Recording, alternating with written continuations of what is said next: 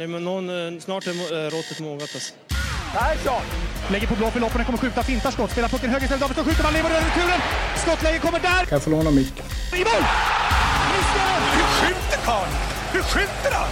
Jag kan bara säga att det där är inget skott faktiskt Lasse, det där är någonting annat. Det där är, liksom, han skickar på den där pucken så jag nästan tycker synd om pucken. Den grinar när han drar till den. Utan Fröbo var målvakt! Kan jag få låna micken? Kolla! Poff! En allvarligt talad Blake Bork håller på med hockey i 600 år! Kan jag få låna micken?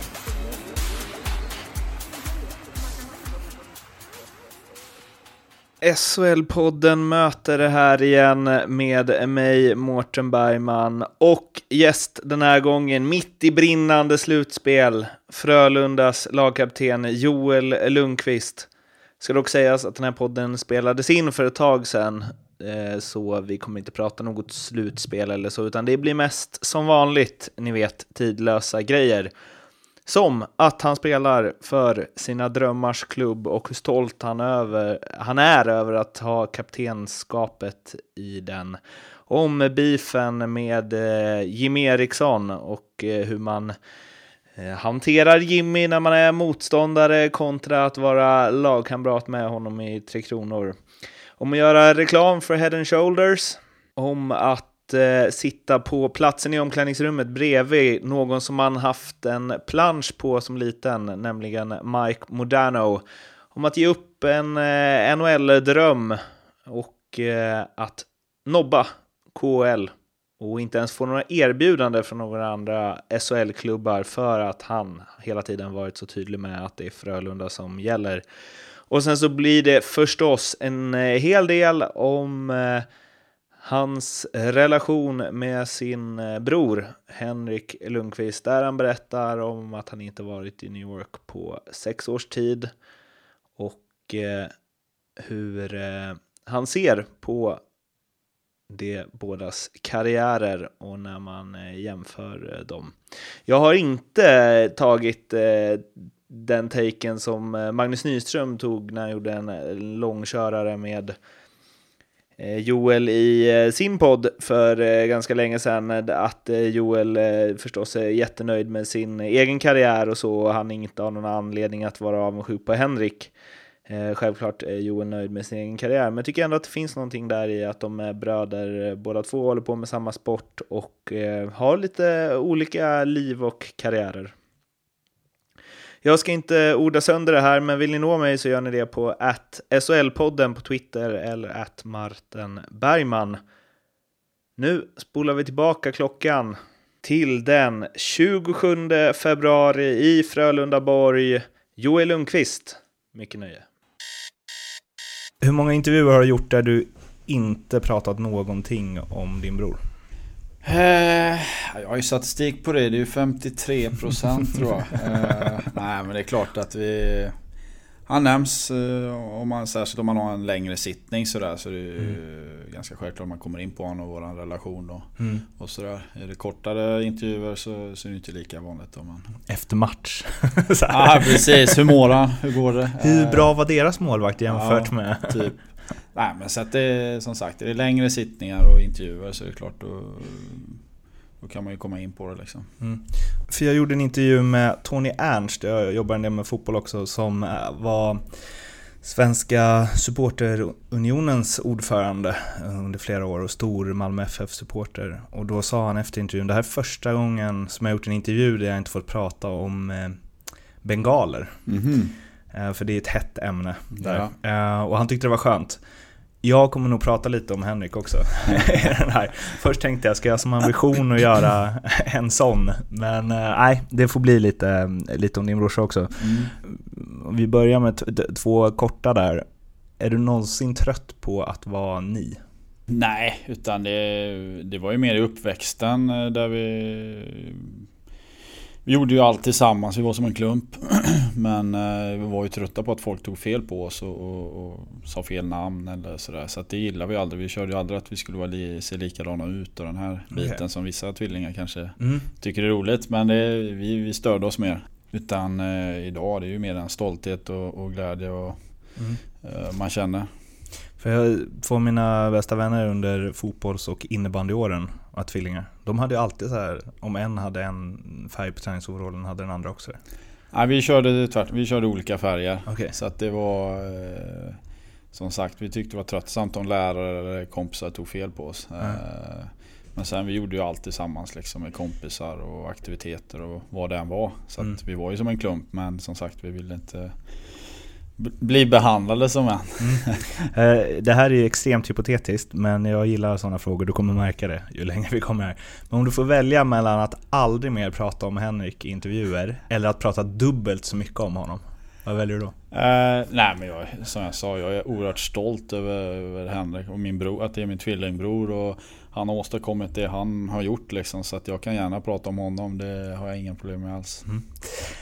Frölunda just nu. Det kommer inte bli så mycket aktualitet över den här podden, vilket det ju inte är speciellt ofta heller. Men eh, maskineriet har eh, haltat lite grann va? Ja det är klart att vi, vi kom från en höst där vi, där vi Det rullar på bra. Man var lite så var, var vi står någonstans med ett halvt nytt lag. Eh, så att, eh, men det gick över förväntan måste jag säga och, och, och sen eh, egentligen efter nyår så, så har det varit en tuffare period. Eh, men vi hade liknande scenario i fjol där, vi, där vi gick lite knackigare efter nyår och Fick vinsten i COL och fick en boost av det men det, det liksom släppte inte riktigt förrän några veckor senare så att Vi hoppas ju på något liknande upplägg som förra året. Det är planen. Ja men lite så, det är den vi jobbar efter. Hur blir du, du som har varit med så himla länge, liksom, eh, hanterar du det här på något annorlunda sätt? Alltså när det är lite motigt och det inte går som man vill kontra vad du gjorde förr i tiden liksom? Man vill ju säga att man har mognat och, och lite lugnare i de processerna men samtidigt så Det gäller att prestera och, och när man inte ligger på den nivån man vill så, så blir man frustrerad. Eh, Mm. både vad det gäller sitt egna spel och, och laget. Så att, eh, eh, man försöker vara konstruktiv och, och se framåt och, och se de bitarna som behöver göras bättre. Men eh, ibland brister det även för mig liksom fortfarande då. Mm. Eh, det gjorde det väl ännu mer för tror jag. Mm. Som en sån match som senast då mot eh, Leksand, leder med 4-1. Vad var det kvar? 16 minuter eller någonting. Och ni får ett powerplay med 1.40 kvar. Och eh, strul på blå, eh, halkar och kvitterat i, med någon minut kvar så. Eh, vad, vad händer hos dig då? Eh, första är liksom det här händer ju inte, det är ju inte sant. Och, och sen känner man att nej men vi, vi har powerplay här nu, vi går in och, och stänker dit den. Ja. Men vi toppar det med att dra på oss en sex, mot, eh, sex man på plan istället. Så att, eh, det var liksom så här overklig avslutning där det, allt gick emot. Så att, eh, nu efterhand kan man garva åt det men jag kommer, jag var, eh, man var irriterad var man att vi liksom inte kunde vinna den matchen Mm. eh, under ordinarie då. Så att den extra poängen var oerhört viktig annars hade man ju Ja Varit hyfsat less. Ja, Den här intervjun inte ägde rum. Ja typ. Eh, Du var inne på det, guldplanen som ni följer nu med att det är lite kämpigt nu och så. Eh, Men hur bra är ni i år kontra i fjol tror du? Eller tycker du kanske? Eh, ja alltså Det är ett lite annorlunda lag kan jag tycka. Eh, vi hade- blev av med en hel del så här spetsspelare. Man fått in eh, väldigt fina kvaliteter. Jag, tycker vi kanske nästan jobbar ännu hårdare i år. Mm. Och det behövs. Eh, Så att eh, jag tycker fortfarande vi har fyra kedjor och två bra målvakter som som vi byggde på i fjol. Mm. Eh, sen kanske matcherna sett lite annorlunda ut. Eh, kanske inte har gjort riktigt lika mycket mål. Eh, Mm. framförallt nu sista tiden när vi har förlorat mer då. Mm. Eh, men absolut, vi har, vi har legat uppe i topp nästan hela året och vunnit CHL. Så det är klart att vi ska vara med och fightas om det när det Mm. avgörs. CHL MVP, hur känns det? Eh, ja, det är klart att det var en väldigt fin utmärkelse. Det är en Mm. av de största jag har fått individuellt. Eh, det är inget snack om. Eh, sen det är klart, det väger ju inget mot själva titeln och, vinna. Men självklart kul att, få den. Liksom, där har vi känt under hösten att det stämde bra liksom, i det offensiva och lite mer involverade saker och ting i många av de matcherna. Så att, eh, Ja, det var en kul grej, helt klart. Jag var med i juryn. Okej, okay, ja men man tackar. du, det har gjort otroligt eh, många intervjuer med dig och jag tror att du är den spelaren som jag intervjuar här. Intervjuade i och för sig David Petrasek, men han har ju lagt av. Eh, men som det liksom har skrivits mest om och eh, där det är flest träffar på YouTube och så vidare och så vidare. Uh, vilket gör att jag ska försöka ta någonting annorlunda här och något annat och försöka liksom hitta något. Uh, vi får se hur det går. Men om man ska... Det blir väldigt lätt om man hamnar på säsong för säsong. Och det är ju kört att göra med dig eftersom vi bara har en timme på oss. Mm. det kommer bara sticka iväg känner jag. Så jag har plockat ut några grejer efter att ha kollat på din Elite Prospect som jag tänker att vi ska prata lite längre om istället. Först åtta år som kapten i Frölunda?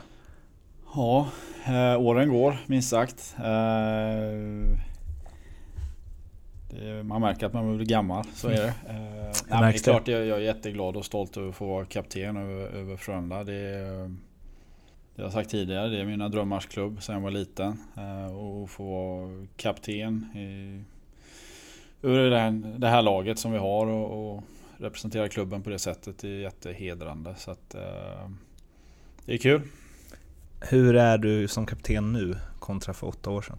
lite som jag var inne på tidigare var nästan lite hetare då kanske och brann av till höger och vänster. Och, äh, känns lite mer balanserade då. Äh, okay. Tycker jag själv. Sen kanske vissa i laget har andra åsikter men äh, det är klart att man har mognat med åren och småbarnsföräldrar och allt vad det innebär och liksom få kanske annan syn på saker och ting. Så att, mm. eh, familjen är ju viktig för mig och, och få mig att liksom landa mellan matcher och, och lugna med, ner mig på ett mm. bättre sätt. Så att, eh, lugnare och, och ja, mer hur mycket är du så här, eh, vad säger man, lead by example kontra att du snackar?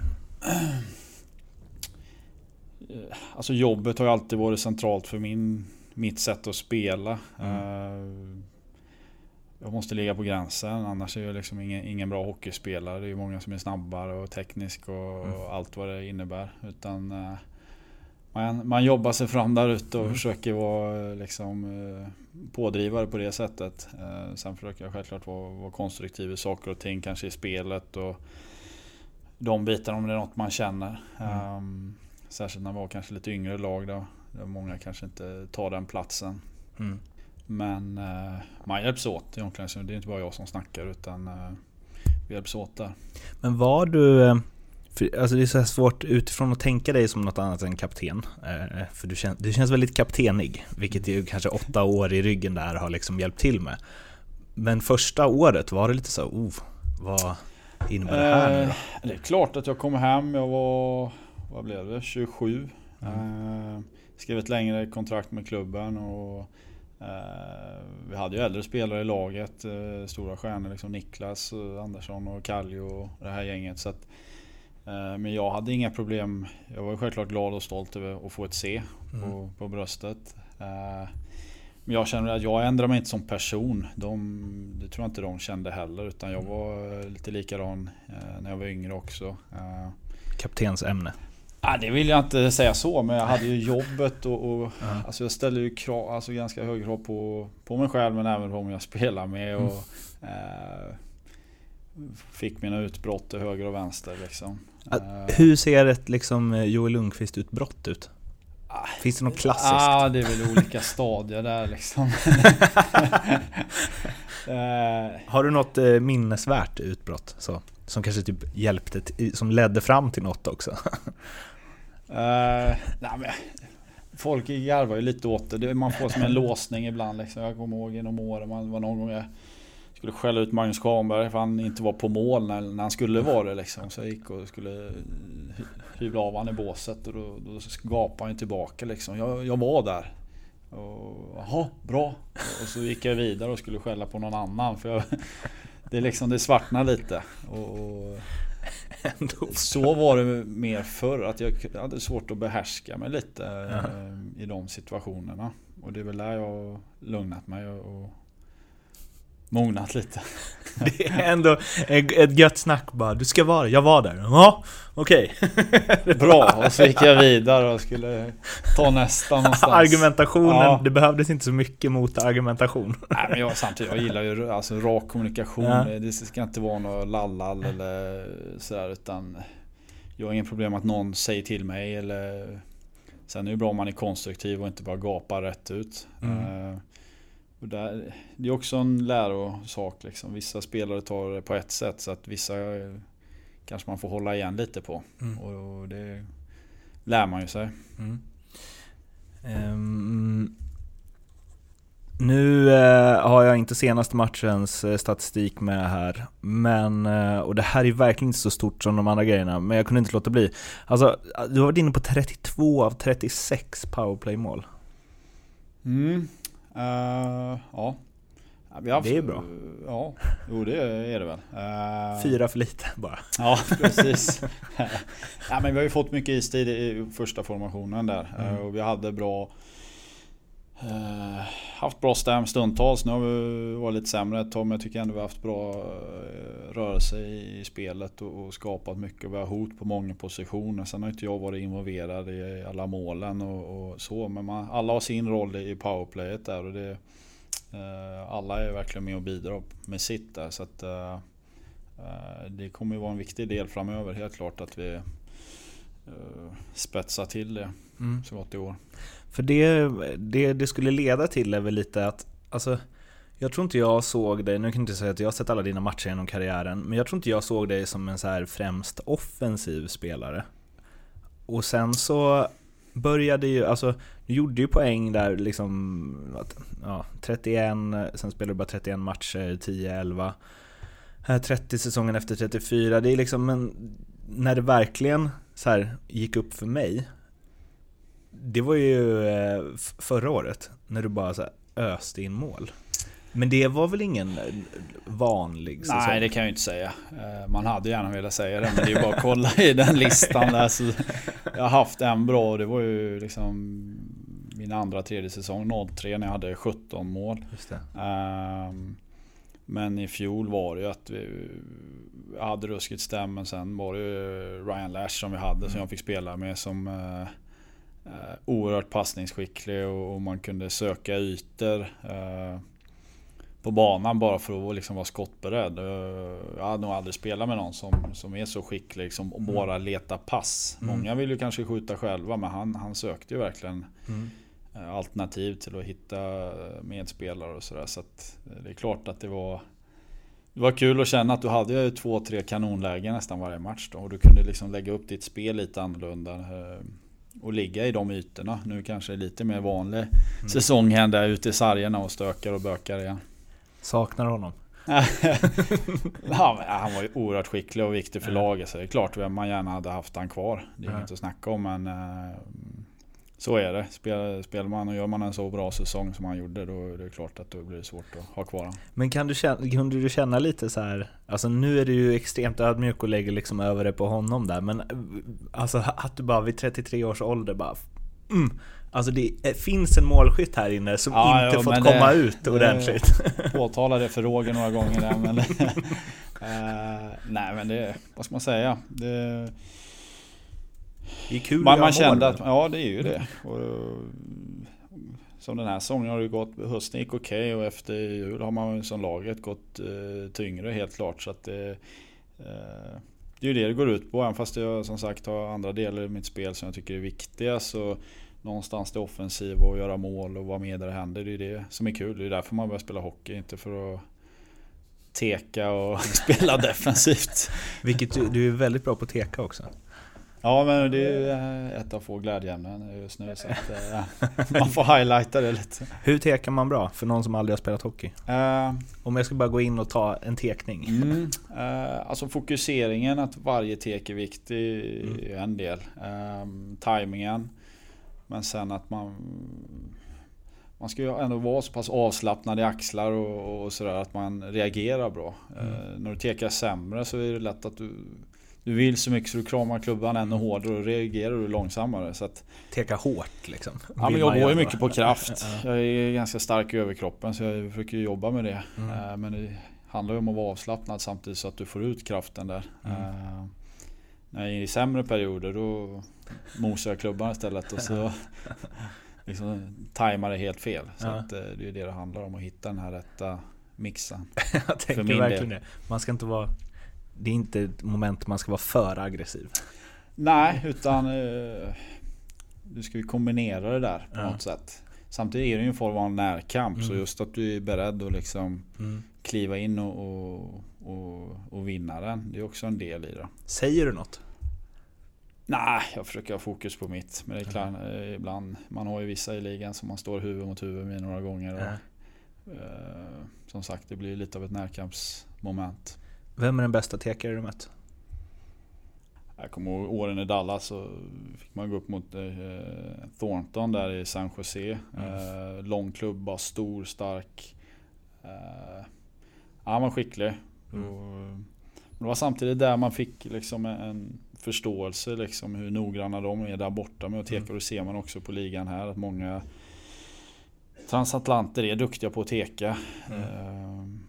Har fått det tidigt i sig på något sätt. Så att, ehm, men han var skicklig, men det är många genom åren. Jag snackade med någon om det häromsistens. Jag kommer inte ihåg vem det var. Uh, vilka har jag poddat med? För att, men det, det, var så här, vad jag som supporter så här, vad jag, tycker att, vad jag tycker mig har lagt märke till att de är mycket bättre i NHL på. Alltså det är ju många grejer liksom, eftersom det är världens bästa spelare som spelar där. Men tekningen är ju en sak. Och sen också att lyfta ut pucken utan att den går till icing. Mycket, mycket bättre mm. än i SHL. Och då är det ändå kortare. Ja, nej men det är ju...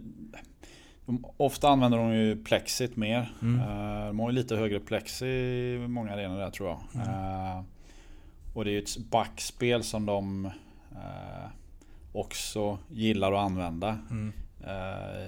På stor rink vill du ju gärna spela ur och, och använda Uh, ja, spela mer blad till blad. Där borta har du inte samma tid så att de, de gör sig beredda på att göra den rensningen mm. kanske oftare och tidigare. Mm. Så att det är också något de lär sig spela med. Mm. Uh, tycker här hemma, är, är man på det så, så hinner du, då har du den där lilla extra halvsekunden att spela en passning kanske. Så mm. du inte behöver göra det.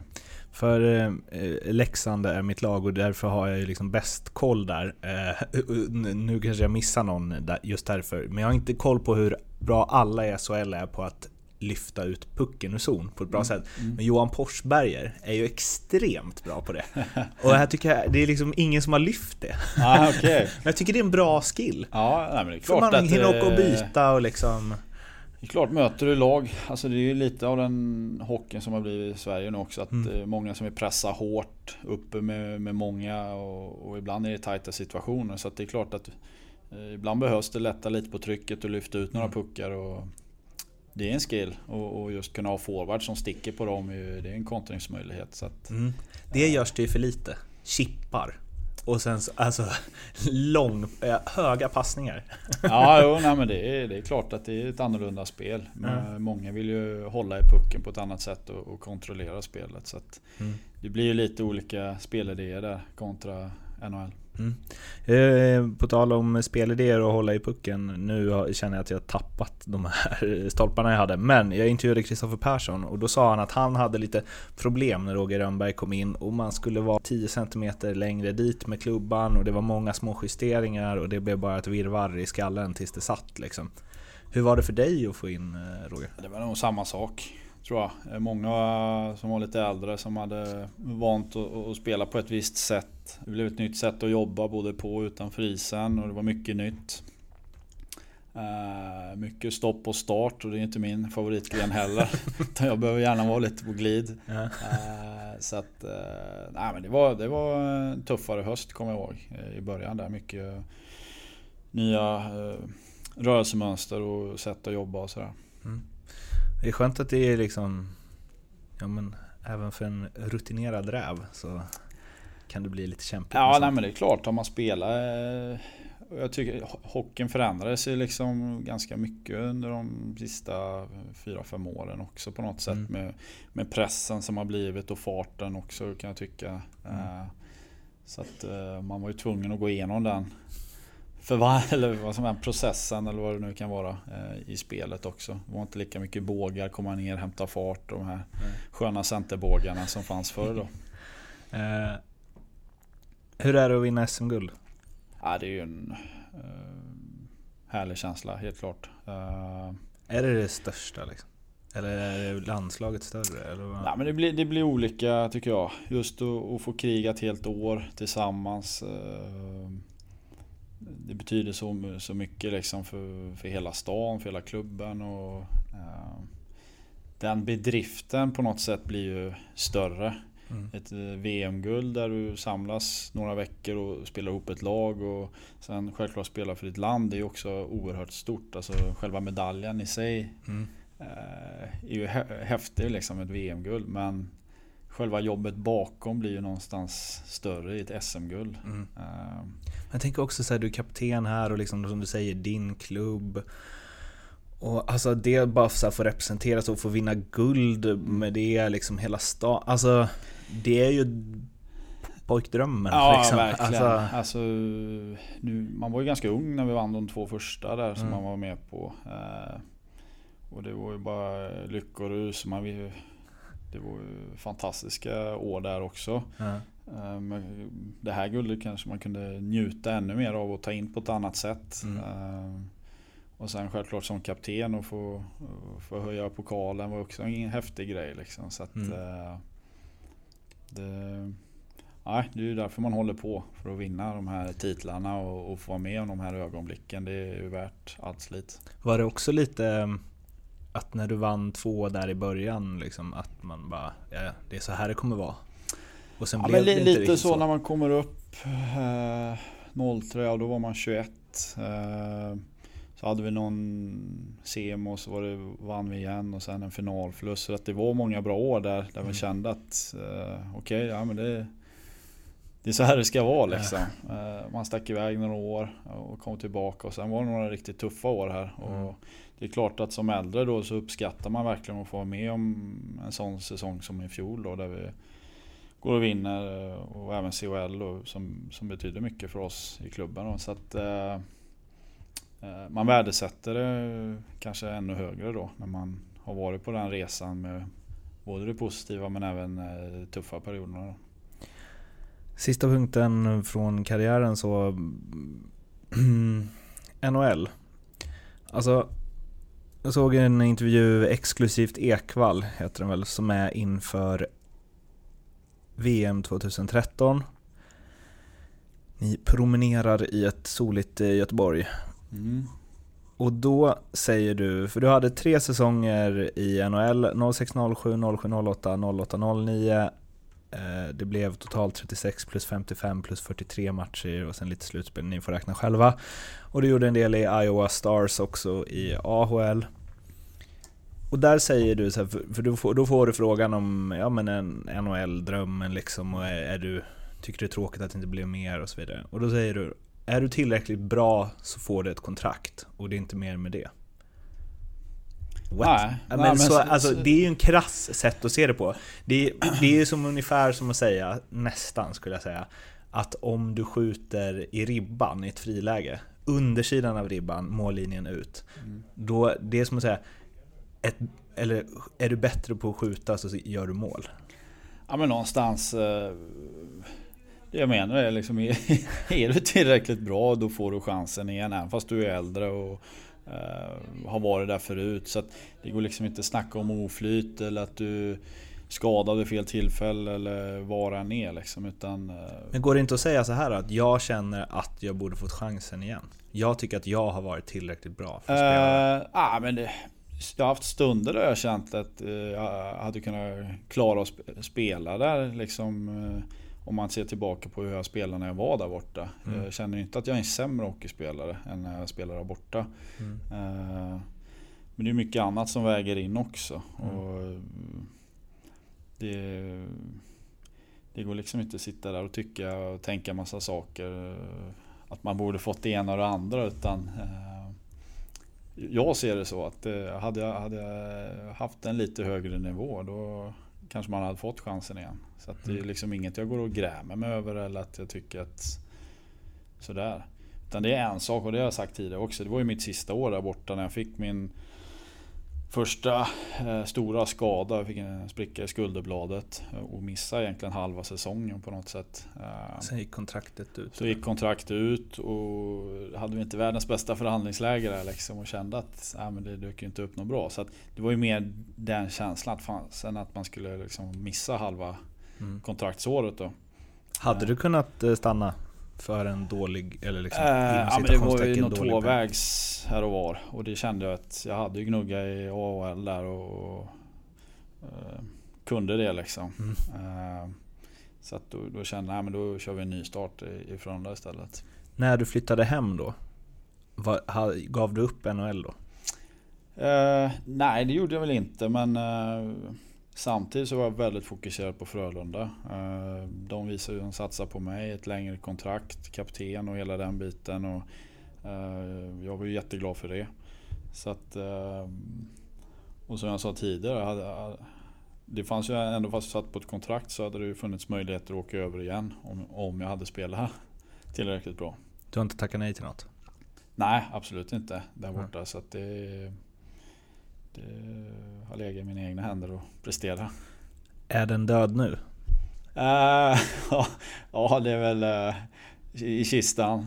Eh, På väg ut i, i, i graven där. Ah, okej. För det, ja, det är det. Det är där backar har en fördel ju. Mange Johansson var väl 36 när han drog över va? Ja, det var så. I Chicago. Ja, ja nej men det är... Det, är som jag också sagt tidigare, att man vill ju spela så bra som möjligt Mm. och på en hög nivå. Eh, eh, och känna att man skulle kunna liksom... eh, ja, spela där. Det är ju det som är målet, att vara på den nivån. Mm. Eh, sen om, om man skulle komma dit är ju en annan femma. Men just då, det är dit man strävar och, och vara på så hög nivå som möjligt Mm. i spelet. Att du ändå ska kunna vara här hemma och spela och känna att ni missar något. Eller hur? Ah, verkligen.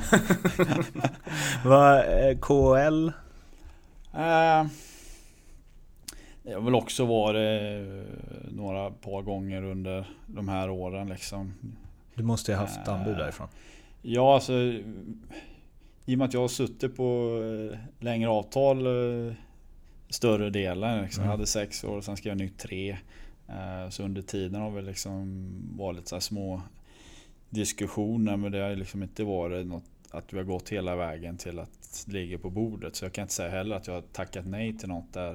Eh, Och jag har känt liksom att som jag sa innan, familjen är väldigt viktig. Att det, måste, det är så mycket som ska stämma. Det är inte bara hockeymässigt utan det är så mycket annat. Så att, ehm, hade man varit lite yngre och kanske inte tre kids eh, och, och, och flytta runt heller så kanske det hade varit ett annat läge. Men eh, man värdesätter allt som finns här i Göteborg och Frölunda och eh, tryggheten för familjen. Det här känns ju nästan som en dum fråga, men det finns ju inga dumma frågor heter det. Men är det någon annan svensk klubb som har varit intresserad? Nej, det, det nej, det är det inte. och det har inte varit något från min sida Nej heller. precis, jag Eh, tänkte att de har liksom läst av det rätt bra. Ja, jag tror det. Eh, Så att det, det har inte varit ett alternativ. Så inte ens när vi vände hem från NHL? Det var inte liksom... Var det bara Frölunda? Eh, ja, det Mm. var det. Jag var ju tydlig med det också så det var Det var inget snack. Nu har vi kört en halvtimme, så nu ska vi prata om din bror. Och här eh, kommer det kommer komma en del hypotetiska frågor, men vi kör. För att så här kände jag ehm, lite. Att eh, Magnus Nyström tror jag gjorde en intervju med dig för ett par år sedan. Om det, och där var han väldigt så här, eh, ja men i ingången att bara att det är klart att det inte finns någon avundsjuka och liksom med tanke på allt du varit med om i din karriär och si och så. Och det blir jag nästan lite provocerad av, för jag tycker ändå att de frågorna måste ställas. För att, och då är det så här. eh, Jag, jag har en fotbollspodd också där jag intervjuade Alexander Farnerud som spelar i Häcken. Eh, Hur bra kollar du på Alexander Pontus Farnerud? Ja, men Ja. eh, man har hängt med dem. eh, De Mm. nästan lika gamla. Precis, och där är det ju liksom Pontus har den bättre karriären på pappret och jag frågade eh, Alex om det och han bara ah, men jag tycker brorsan har kommit längre liksom och spelat större matcher, Champions League-final och bla. Och då frågade jag om det bara var kärlek däremellan liksom och stolthet och så. Han bara absolut, absolut. Och sen så sa jag, okej, okay, men så här då. Hade du offrat din karriär, maxat i liksom någon mittenklubb i Danmark mot att brorsan lirar i Real 10 år, vinner Champions League 5 år? Så om jag säger det till dig då? Skön Henke får liksom 10 Stanley Cup mot att du harvar på ja, i Karlskoga nej, i Hockeyallsvenskan. Någonstans blir det ju att eh, vi har ju drivit varandra och det ska ju inte vara att den andra liksom skulle ha nytta av, mer nytta av den andra utan eh, båda har haft ett enormt driv. Mm. Och, och, det är ju inte att man liksom eh, hade velat lassa över mer flyt åt den andra bara för att den själv ska liksom. Mm. jag tror någonstans det är det som har tagit oss dit vi är idag. Uh, så att uh, tvek på den utan vi, vi, har, vi har pushat varandra och, men båda har ju sina egna karriärer. Mm. Så att det är klart att jag vill, vill lyckas och spela så bra som jag kan och, och han gör sitt. Mm. Uh, och, och, någonstans det är det det handlar om att ha ett eget driv och, och vilja någonting. Mm. Men har du nu har inte jag någon bror, jag har en syster liksom, och ingen av oss är speciellt bra på sport. Men liksom eh, har du all, svävar aldrig tanken förbi? För man tänker att så, någon gång måste tänka bara fan, han kung i New York och hej och hå. Alltså, alltså jag kommer ihåg, jag, när det var tungt i Frölunda. Ja, alltså. Nej, inte, inte här, utan man lever så olika liv. Det, mm. det känner man ju mm. på, på alla sätt och vis. Du har ju ett helt fantastiskt citat här i någon Expressen-intervju från i somras. Okay. Eh, jag ska se om jag hittar det. Um, Eh, vi lever helt olika liv. Bara genom att bo i New York blir det ett annat liv. Henke är van vid eh, de situationerna medan en annan går här hemma och stryker. Det är inte riktigt samma upplägg. Nej men det är ju allting. Det är, eh, det är klart att det blir olika nivåer på, på våra liv samtidigt som att han är samma person liksom. Mm. Och, man är väldigt glad för, och stolt för det livet man har själv och får spela i Frölunda och, och härlig familj och allting. Så att, eh, sen ser ju andra saker väldigt olika ut. Men jag kommer ihåg när man har inte varit över och hälsat på så mycket utan man har haft långa säsonger, spelat VM och mm. det har inte stämt till så man var över för nu är det snart sex år sedan tror jag senast. Mm. Och då, då blir det ju en känsla liksom att uh, uh, han spelar i den, i den stan, alltså i New York och gjort det så fantastiskt bra och lever det livet. Och det var lite så här gåshud liksom att mm. komma dit och känna det liksom. Mm. Sen blir det en annan sak att kolla TV och läsa tidningar och sånt. Det är bara som ja, på ytan. Men just att få komma dit och känna på det liksom. Det, det blir nog visst. Mm. Um, blir du stoppad av eh, Rangers fans när du var i New York? Uh, vi hade någon incident, jag kommer ihåg när vi var, han hade några kompisar nere på Wall Street där. Vi gick några, uh, studiebesök på börsen där. Mm. Uh, och det var ju matchdag men de är ändå hängivna supportrar där. Men de, de började gapa Henrik, Henrik. Och de fick de förklara de som jag gick med. Det är brorsan här och sådär. Så, det var ju lite lustigt så. Men Nej, annars. Det är ju det Henrik gillar också. Det är en stor stad och mycket människor. Så han kan ju vara förhållandevis anonym. Mm.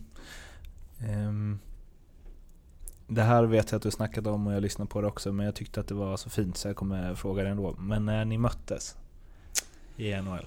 Ja, var det? det? var väldigt speciellt. Eh, det var mitt första år, 06 eh, där. Jag hade varit uppe lite vi åkte lite upp och ner där den hösten från, från farmarlaget då. Så att jag hade varit uppe några veckor och sen blev jag nedskickad någon vecka innan den här matchen. Och det är klart att man hade sneglat lite att shit den börjar närma sig där. Mm.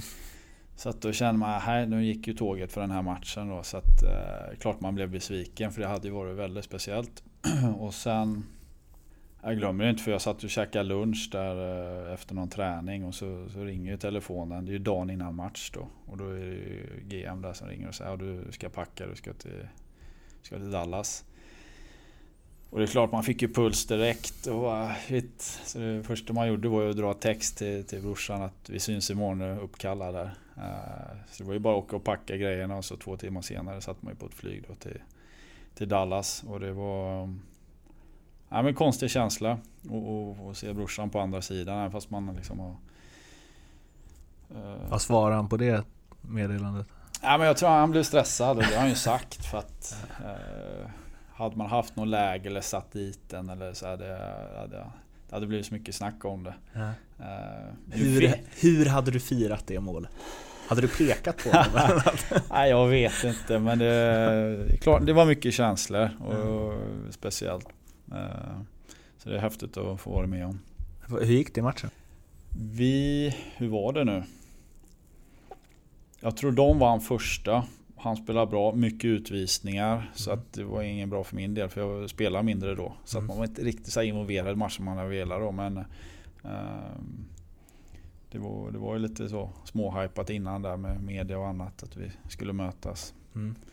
Men uh, han vann första men sen vann jag två raka efter det tror jag. Okay. Var de mötena också speciella eller var det mest första? Nej men det var speciellt. Eh, framförallt komma till New York. Det var ju mm. häftigt också att få spela den matchen där. Mm. Eh, det var roligt. Vad är det bästa respektive sämsta med att eh, liksom han är din bror? Eller att Henrik Lundqvist är din bror? Det liksom. Uh. Och här får du tolka lite. Först tänkte jag lägga in så här i hockeysammanhang, men du får bara mm. köra. Det kanske kommer någon... Ja, vad ska man säga där? Uh, som jag sa, man är jättestolt över vad han har gjort. Uh, legat på den nivån i alla år liksom. Så att, uh, man tänker inte på liksom, att han är i Dan Henrik, utan han är ju brorsan. Mm. så att, men just när man ser och hör folk prata om han och vad han uppnår där borta nu liksom med rekord och annat. Det är, det är häftigt, verkligen. Mm. Vara med liksom på, i det gänget som han är liksom i mm. vinster och allt vad det är. Så att man är stolt på den nivån och sen Klart ibland vill man vara lite bara privat på somrarna. Vi ses inte så mycket så att det är klart ska man gå ut och äta eller göra något och gå på Liseberg med, med kidsen liksom och han. Det, det, blir ju lite stökigt alltså med mm. fot, fotografering och folk som Folk är positiva men det är klart att just för när man vill bara vara privat och vara med familj och sådär så kan det ju vara lite eh, halvjobbigt ibland. Mm. Det är väl det negativa då. Tror du att du hade fått eh, mer eller mindre cred och uppskattning eh, om din bror inte hade varit Henrik Lundqvist? Uh, det är klart att... Uh, vad ska man säga? Jag har min karriär här, jag gör det jag gör. Sen mm. är det klart att det klingar väl lite högre när man har en, en, bror som, som spelar så bra som han gör där borta. Och mm. vi har spelat tillsammans här i Frölunda och hade fina år här också. Så att, uh,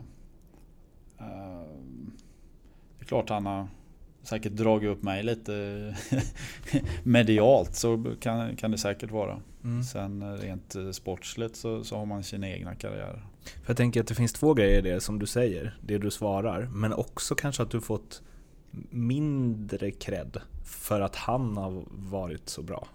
Även om det inte är eh, ens ja, Det är klart om, om man sätter oss jämsides så mm. är det klart att eh, man kan peka på mycket som han har gjort bättre liksom och lyckats bättre. Mm. Eh, samtidigt som att jag har fått vara med och vinna fina titlar jag också. Så att, kollar man titlar och, och, det man vill uppnå sportsligt så, så är det klart att då, då är vi ganska lika. Mm. Men eh, på andra plan så är han lite större minst sagt. Så att, eh, men jag går på det sportsliga. och då har jag fler medaljer. Jag intervjuade Anton Axelsson en gång och då frågade jag om Pebben liksom. Ja. Och, han och, så. och då sa han, nej men jag kan liksom inte känna någon, för att det är så långt emellan oss. Han ja. spelar ju NHL redan innan. Men, ja. Och så sa han också, men också att jag, liksom att han var nöjd med sin karriär. Han bara, Mm. jag har liksom upplevt SM-guld med Frölunda, jag har gjort det och det och det. Om jag inte hade, om det hade blivit liksom division 1 fast jag hade krigat så här hårt, då kanske det hade funnits någon Mm. avundsjuka där. Kan du hålla med om det liksom? Eh, Ja, det är klart att är man på helt eh, olika planeter i prestation då, eh, då kanske man funderar mer varför Mm. och hur och vad skulle jag gjort annorlunda och de sakerna. Mm. Jag känner väl att så här långt man har fått vara med om fina eh, matcher och hockeyn har gett en otroligt mycket. Så att man är ju glad och tacksam för det. Mm. Ehm, Så att eh, Ja, det kanske ligger lite i det men eh, Det är ju mycket upp till var och en på något sätt. Mm. Återigen det här drivet liksom. Det är ju ingen annan som gör en åt det på något Mm. sätt. Utan Det är upp till dig själv hur bra du ska bli. Daniel och Henrik Sedin har ju en väldigt så här, kemi. Det finns ju så här goa klipp, eh, det är ju från VM va? När det bara är en av dem som är med. Så är det så här, Henrik with the perfect pass to Daniel. Och så bara skickar han in dem framför mål. Så är det ingen där eftersom Daniel är ju skadad. Okay. Eh, Men liksom det har ju de pratat mycket om, liksom telepati, Mm. tjohejsan. Mm. Har du någon gång funtat på om du hade ställt dig i mål istället? Tänk om ni hade varit världens två bästa Ja. målvakter. ja. ja, nej men det Den är ju liksom eh, Den är svår. Ja, nog mer fundera, eller inte fundera men alltså slaget om han hade spelat ute. Ja. Två målvakter hade ju inte varit eh, så smart alltså. Då hade man ju liksom Man vet ju hur mycket han vill spela och jag vill ju också spela så att det hade varit bara jobbigt. Eh, Så att eh, det var ju smidigt när vi växte upp liksom och han, han ville stå och Han var ju riktigt unga, 6-7 där. Då, då turades vi om liksom och landhockey och allting. Men sen när han väl från första träningen, då var han ju 9 tror jag. Mm. Så efter det då, då, då var det ju fokus att han skulle vara målvakt och då kunde man ju stå och peppra på honom där på Ja, eh, skitbra ju. Ja det Eller var hur? väldigt praktiskt. Det är ju liksom Det ser man ju själv idag då när jag har en egen son som är fem. Eh, Man, man spelar ju mycket med han liksom Ja. och, och sådär. Och om man hade haft en tvillingbror med samma driv och vilja spela, det hade ju Mm. Då hade du inte be- behövt lägga lika många timmar. Sen är det väldigt kul men det, ibland hinner du ju inte. Och han, Mm. Man ser ju, han tycker det är väldigt roligt, eh, grabben. Och det är klart, det är smidigt att ha en tvilling Mm. som gillar samma saker. Hade, ja, nu ställde han sig i mål så tidigt, eh, men hade han några skills ute eller? Uh, jo men nej, han, jag kommer ihåg det var ju någon match de, de glömde eh, hans benskydd så han fick spela ute. Då hängde han ju dit en kasse. Alltså. Ja, så han eh, och, och sen spelade vi innebandy också och då växlade han lite målvakt utespelare så vi hade ju några sköna matcher där. Men han, man, man kunde ju ändå se att han var ju lite mer avslutare, lite mer eh, Okej. eh, körde sitt där liksom som målvakt. Och det, Ja. det är på något sätt en annan sport ibland. Att de är Ja. isolerade och verkligen utsatta på ett annat sätt. Så att, eh, Men innebandyn där, fanns det något liksom, blindpass mellan er och sånt? ja, liksom? men vi, det är klart man tänkte lika. Det, så är det ju i många situationer. Alltså Mm. man pratar om den här telepatin som är med tvillingar. Men samtidigt man är, blir så tight. Mm. Växer upp tillsammans och gör allt tillsammans i stort sett. Och, eh, tillbringar mycket tid. Så det är klart du känner den personen så väl. Mm. Och hur han reagerar, hur han tänker i olika situationer och sådär. Så att, eh, det underlättar ju på plan. Det är det man vill i ett lag. Man vill lära känna personerna både på och utanför isen. För att liksom, Mm. Man vet hur folk reagerar och hur de tänker och sådär. Så det är klart man har en fördel som tvilling där. Tror du att du har lättare eller svårare att göra mål på honom än andra målvakter? Alltså så här Ja, frilägen? Ja, men jag tycker, det, det, det, det känns som att han har läst sönder mig när jag kommer från blå. så det, det är absolut svårare. Det är precis som att han går in i hjärnan på mig och bara står redo med plocken där. Eh. Det var Kristoffer Persson sa det här också när jag intervjuade honom. Eh, Jag vet inte fasen hur vi kom in på det. Eh, Men då sa han att du... För, jo men för jag sa det liksom, ja men jag ska göra Joel framöver liksom. Ja, jag tänker att jag ska prata lite om Henrik men jag vet inte riktigt vilken. Så här, han bara, ja han kanske kan vara trött på det. Så här, för, och så sa han något om att uh, han får hem brev ibland att folk vill att han fixar det och det från New York ja, och från nej, Henrik. och så. Folk kan fråga alla möjliga saker så det är klart att... Uh, Vad är det konstigaste? Nej men det är klart att man får ta del av många livsöden och, och personer som kanske upplevt saker och, och sånt. Mm. Och det är inget konstigt i sig men det är klart att det, det är många som, som vill träffa honom, åka över mm. och, och se matcher. Eller kan han bara komma och säga hej. Och mm. Sen är det ju antal som kan man få hjälp med biljetter och mm. självklart den biten. Är, så det är klart det är mycket sånt. Och, mm man försöker hjälpa till ibland på olika sätt men det är klart man, man drar gränsen någonstans också. Även fast mm. det är vissa... Uh, klart man blir berörd av vissa situationer och så här, man vill hjälpa folk men uh, ja, det blir rätt mycket mm. emellanåt. Okej, nu känner jag att jag måste ta det här till. jag åker till New York på fredag, firar min, på riktigt, pappas 60-årsdag. Han har tjatat i alltså ja, det här kommer en, en ny story. Ja, om att han vill se Henke i New York. Så faktiskt, och det här är ganska fint, han började faktiskt gråta när han fick den presenten. Första gången jag sett pappa gråta.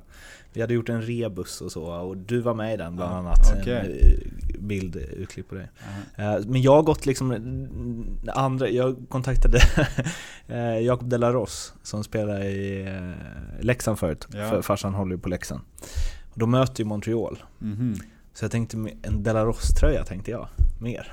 Han får se Henke, ja. men tröjan är från en gammal Leksing. Liksom. Okej, okay, okay. Ja, det var ju snyggt. Eh, men om han har lust att lämna en tröja också så... han ska hälsa Ja, du får göra det. Tror du han kommer spela i Frölunda igen? Ja, det är väl tvek på den. Uh, kontraktet han är 39 så att... Uh... Inte så att de kommer säga nej här om han vill komma hem när han är 39? Nej, utan... Uh han är en tävlingsmänniska verkligen ute i fingerspetsarna. Så att, eh, ska det ju vara, ska det ju vara att han känner att han är på den nivån han vill. Eh, det är många år kvar dit. Så att, eh, många kanske tror och hoppas på det men det är som sagt, man får vara realist där. Eh, men ingenting är omöjligt. Kommer du kämpa för att ni ska spela tillsammans igen? ja, det får man ju göra. Nej men det jag har ett år till här på kontrakt. Det eh, blir 36 nästa vår då när det går ut. Så att, eh, som det känns nu känns kroppen jättebra och fräsch och man, man gillar verkligen spelet och uppskattar liksom livet som hockeyspelare. Så att man hoppas att man har några år till. Men det, alltså det låter ju... Om du spelar då, när hans kontrakt går ut. Det är klart att du kommer bara Fan brorsan, kom hem. Vi lirar ett sista år tillsammans. Eller?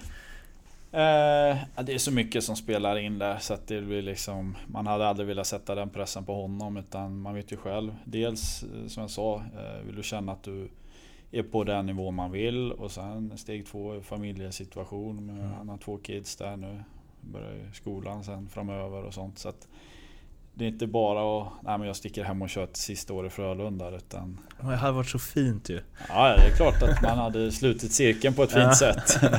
men uh, han har ju kontrakt dit till, till det. Jag, jag får nog börja ta år för år där framöver. Se man ja, det känns lite som vidare. att det är lite mer upp till dig. Huruvida du ens spelar ja, lite, då. Lite så, lite så. så att, uh, jag, jag blickar inte så långt fram här än.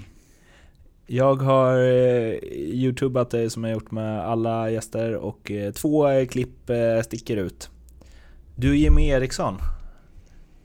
Mm. Ni firar inte midsommar tillsammans? Nej, jag är inte på plan. Uh, och inte utanför heller. men uh, grejen är väl att vi Vi träffats mycket under landslag och sådär. Mm. Uh, lite samma ålder och, och sådär situation. Så att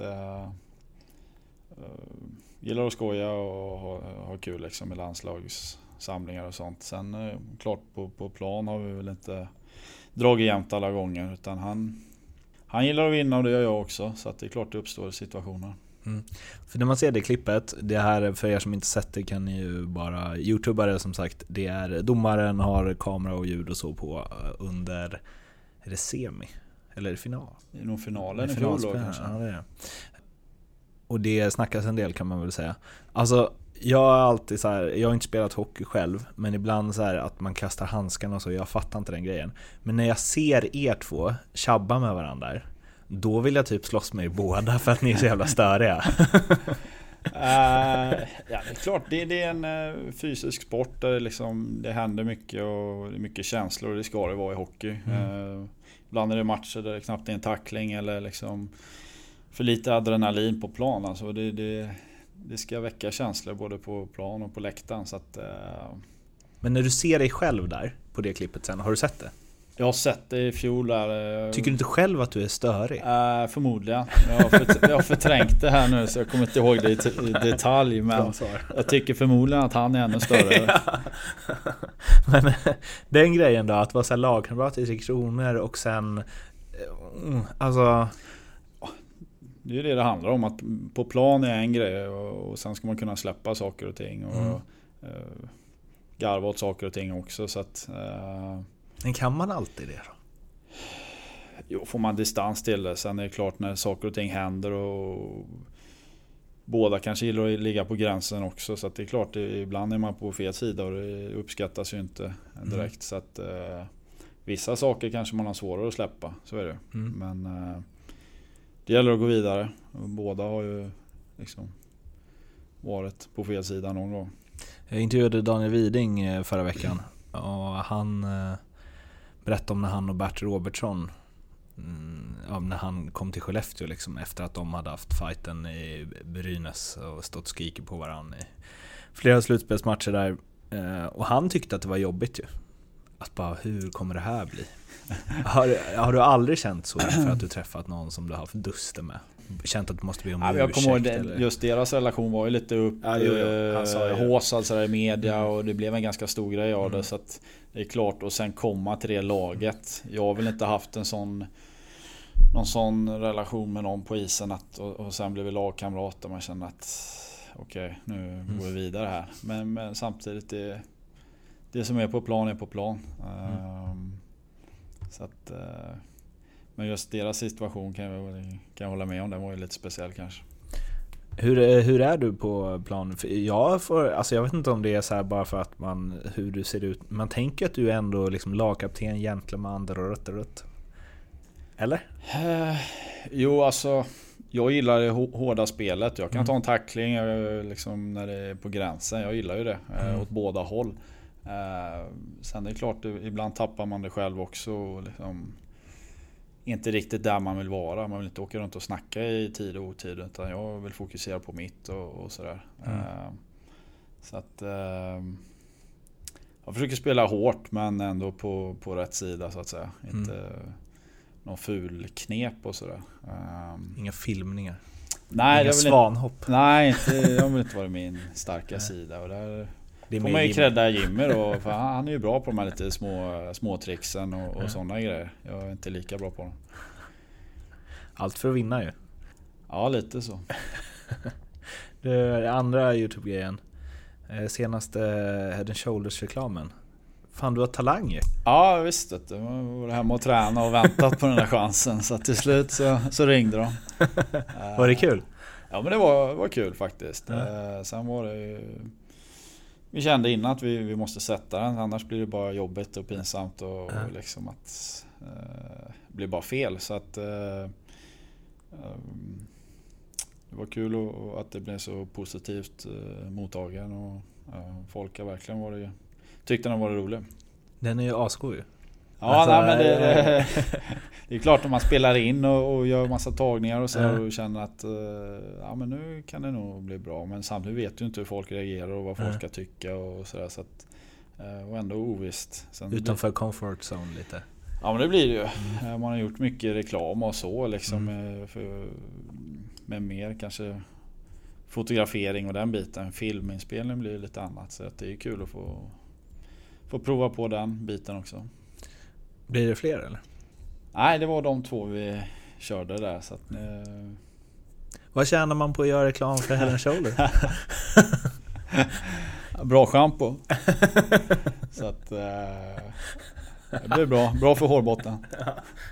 Ja, Gratis schampo. Har du, eh, det väl såhär när, eh, fan såg någon intervju med Justin Bieber när han pratade om sitt så här, det var en jävla omslag han hade gjort. Att han får, alltså inte obegränsat, men sju helsikes massa par eh, Calvin Klein kalsonger. Okej. Så att han använder dem bara en gång. Oj då. Eh, Hur mycket schampo? Har du, liv, har du livsförbrukning? Nej. Nej, vi fick en fin last där. eh, Men det var ju brorsan som såg till att skicka till laget där eh, Aha, okej. efteråt. Från den riktiga ambassadören som han skrev i meddelandet där. Så att, eh, men det börjar ju tryta i förrådet där. Eh, du, eh, jag brukar alltid så här samla ihop, kolla igenom hela Elite Prospects-listan, alla som du har lirat med, så brukar jag så här, ta ut några som jag tycker är intressanta. Nu hann jag inte det. Och jag känner att jag missar något på det, för du har säkert spelat med liksom massa goa som man hade velat höra saker om. Men då tänker jag att du faktiskt ska få liksom ta lite lagkaptensansvar här och pra- säga något om liksom tre spelare som du tror att mm, Ja men lite background eller inside eller något kul eller så som Ja. du har spelat med. Eh, ja, men om man håller högt, om man börjar där. Eh, Niklas Andersson som betydde oerhört mycket för, för den här klubben eh, under många år. Och, eh, väldigt professionell. Eh, eh, levererade liksom år efter år och spelade tills han var 40 och var liksom toppspelare i laget fram tills han la av. Så att, ehm, och en kanonkille på alla sätt och vis. Så att han håller man högt liksom som, som spelare och person på alla sätt och vis. Så han, eh, han satte nivån och, någonstans jag försöker, försöker liksom göra likadant idag. Att, eh, man försöker förbereda sig, vara noggrann och, och professionell i det man gör. Och sätta en nivå där. Sen måste man säga mer. Eh, Jag kommer ihåg, jag fick en plats i, i Dallas omklädningsrum där när man eh, fick en fast plats eh, första året. Och då var ju bredvid nummer nio där, Mike Modano. Eh, och det är klart det var, det var speciellt. Jag kommer ihåg, jag hade ju en plansch. Det var ju typ Modano och Forsberg då som, som man hade på väggen när man var grabb där. Sa du det? Vi kom nog aldrig in på det. Nej men han var, var ju reserverad som person men ändå liksom skön kille sådär. Så att, eh, men han... eh, Det var häftigt ändå att få, få liksom Känna att shit jag spelar NHL och, och sitter bredvid Mike Modern i omklädningsrummet där. Så att det var, det var häftigt. Jag tänker att, man så här, att det blir som att träffa sina hockeybilder typ. Ja men lite så. Man eh, sprang runt där och samlade och eh, lekte på gatan och, och sådär. Så att det är klart att det, det var roligt. Vad säger, vad liksom, om du inte berättar om planschen, vad, hur tar man sig an den liksom?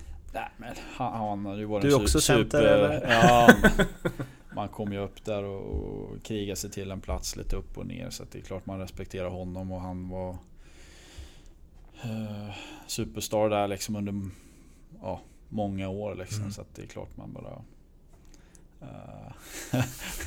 Försökte umgås på ett vanligt sätt liksom, i omklädningsrum. Men sen var det inte att man hade den relationen med honom. Han var ju Han var schysst.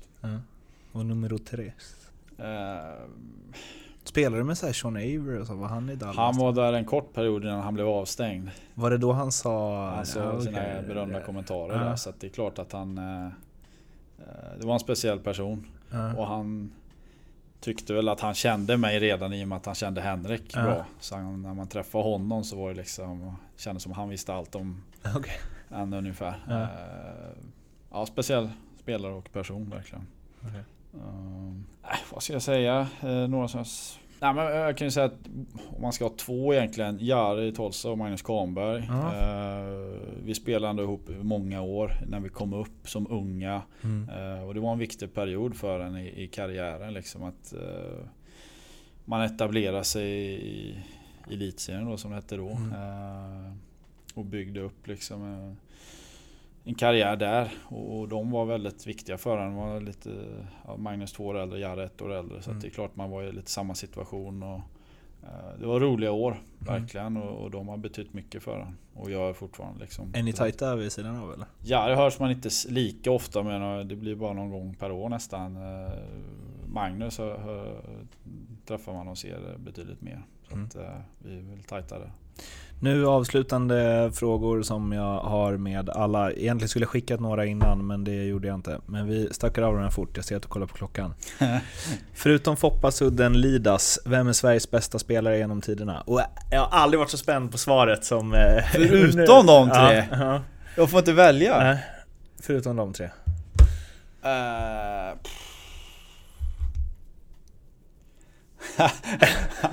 ja, du vill ju ha ett svar där. Nej, jag vill vad jag vill, det vet jag inte. Men det, jag är spänd på svaret.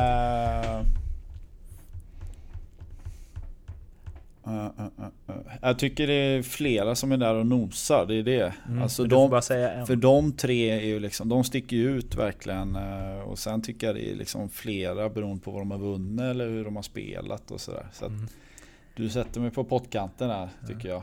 Du funderar på om du ska ta dig själv. Ja just det, det var det jag, det var det jag tänkte. Ja, helt klart. Eh, nej men jag, jag känner... Du, du är Henrik, uh, brorsan där och så Zetterberg och Alfredsson. Det är de tre jag tycker är liksom... Mm. De är fyra Okej. för mig. Okej. Förutom Gretzky och Lemieux, vem är världens bästa spelare genom tiderna?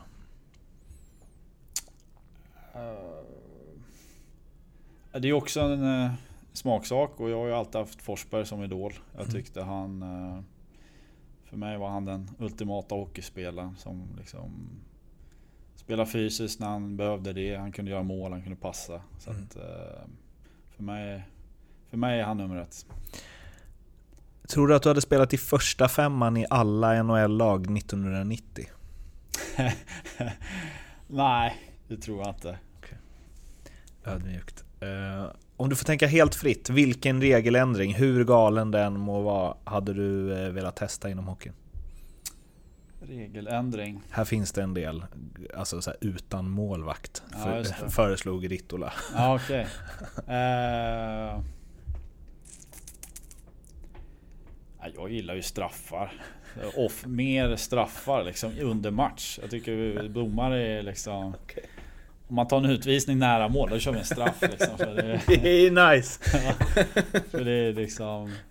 Är det en målsituation, döm straff. Kan man, kan man inte bara byta, ja men som i fotboll liksom, eller Ja, så här frilägesutvisning. Ja. Eh, den bästa spelaren som du har spelat med, och då inte enligt CV utan den du tycker har varit bäst?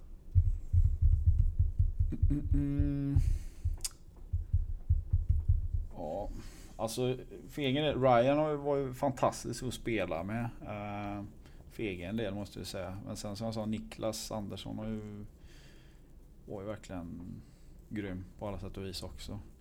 Eh, sen har jag spelat med många bra. Men eh, över tid om man ska säga liksom någon av de två. Och den bästa spelaren som du har mött, och också då som du har känt har varit den svåraste motståndaren? Eh, jag har ju mött Foppa några gånger så att eh, det håller man ju högt. Eh, sen har Ovechkin och Crosby och de här gubbarna sen som sagt Chara när han den storhetsåren där liksom när han var han kunde utnyttja sin tyngd och räckvidd på ett annat sätt kanske än idag då, så då var han ju tuff att möta, det är inget att snacka om. Det var ju som att köra in i en vägg som forward liksom, så det var ju inte jätteroligt att möta han. Den bästa lagkamrat du har haft utifrån hur du tycker att man ska vara i ett omklädningsrum och kring ett lag? Ehm, ja, Kahnberg är man ju tight med liksom. Man, eh, man är ju nära och uh, likasinnade så sett. Uh, sen Mattias Nord, Nordström som, som kom från eh, Kings till Dallas där under en kortare period. eh, hade liksom en väldigt bra ledaregenskaper och, och jag tyckte han stod upp liksom på ett väldigt bra sätt och kunde ta de etablerade stjärnorna om det var något. Och det var något man verkligen såg upp till eh, på det viset. Har du blivit starstruck inom hockey någon gång? Nej, inte på plan sådär. Men jag kommer ihåg vi, vi skulle möta Ryssland i, i Sochi i en turnering för några år sedan. Och de hade sitt bästa lag. Det var, jag tror det var under lockout-säsongen. Och, och tekningen där det var Datsuk, eh, Ovechkin och, och Malkin. I, jag tror om de spelade ihop till och med. Eller det var någon sån här sjuk line-up. Så att då var man okej, nu, nu gäller det att få fart på grejerna annars blir det jobbig kväll här. Vann du den? Eh, jag har förträngt tekningen där. Men jag tror vi gjorde en okej match ändå. Din största framgång som hockeyspelare? Ja, men det är ju gulden, det är det som jag sa, det är därför man spelar. Så att få vinna SM-guld här och, och även VM. VM-gulden är ju jättehäftigt att få varit med om. Det största misslyckandet som hockeyspelare, eller motgång?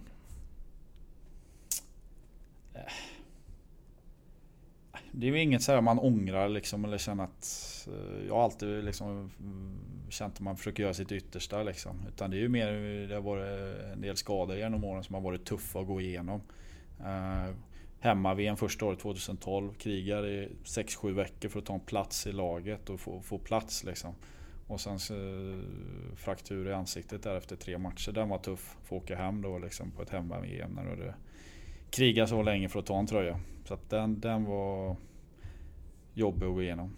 Det sjukaste som har hänt dig kring hockeyn, det vill säga, det hade lika gärna kunnat varit berätta något roligt, det vill säga någon story. Uh, ja, vi har ju en kanske som sticker ut. Jag och Louis Eriksson delar ju rum i, i Dallas i, på alla resor och sådär. Han är ju grymt rolig att ha omkring sig. Eh, vi kommer hem efter en match borta i Tampa och ska in på rummet. Uh, och käka middag och grejer. Och då är det några lag som har gjort en liten prank på oss och, och kommer knappt in. Och, och till slut vi får liksom hoppa in genom dörren. Då har de ställt en byrå mot dörren. Vet inte hur de har lyckats. Och sen har de plockat ner alla grejer i hela hotellrummet. Så att allt var inkastat på toaletten. Så vi hade inte en madrass eller någonting. Inga lampor fungerade eller någonting. Så att det, då var man lite så här lagom nöjd. När man var sliten och ville bara gå och lägga sig. Så det var bara att slita ut en madrass och lägga sig på golvet där. Men den var... Den sticker ut lite. Eh, och sen, din sista match. Om du fick regissera den helt och hållet själv, hur gammal du är, var du spelar, vilka ni möter, vad som händer i matchen. Hur låter det då? Uh, självklart att få vinna ett SM-guld till. Uh, på hemmaplan, Skandinavium. Uh, höja pokalen. Och känna att nu, nu är man klar liksom. När händer det här då? ja, den är svår alltså, men vi säger... Ja, några år till. 39. 39. Sista. Vem skulle du vilja höra i den här podcasten? Annan SHL-spelare? Aktiv. Mm. Spelare. Ja, men kolla vad Jimmy har att säga då. Om han kan dra några goda recept. Han skryter mycket om sin matlagning. Jag vet inte om den, om den är så bra men kan ju okay. kolla. Känna på pulsen där. Ja, jag ska hälsa från dig. Ja. Du, tusen tack Joel för att ja. du ville vara med. Tack så mycket. Det var vi hamn med SHL-podden från NordicBet som mötte Joel Lundqvist. Jag hoppas att ni uppskattar avsnittet och gjorde ni det så får ni gärna sprida det till alla ni känner och inte känner och prenumerera på Acast eller iTunes, SHL podden på båda ställena. Och ni hör som sagt av er på att SHL-podden utan bindestreck på Twitter. Vi hörs igen eh, snart med ytterligare ett avsnitt av eh, SHL-podden möter. Men tills dess, ha det fint. Hej!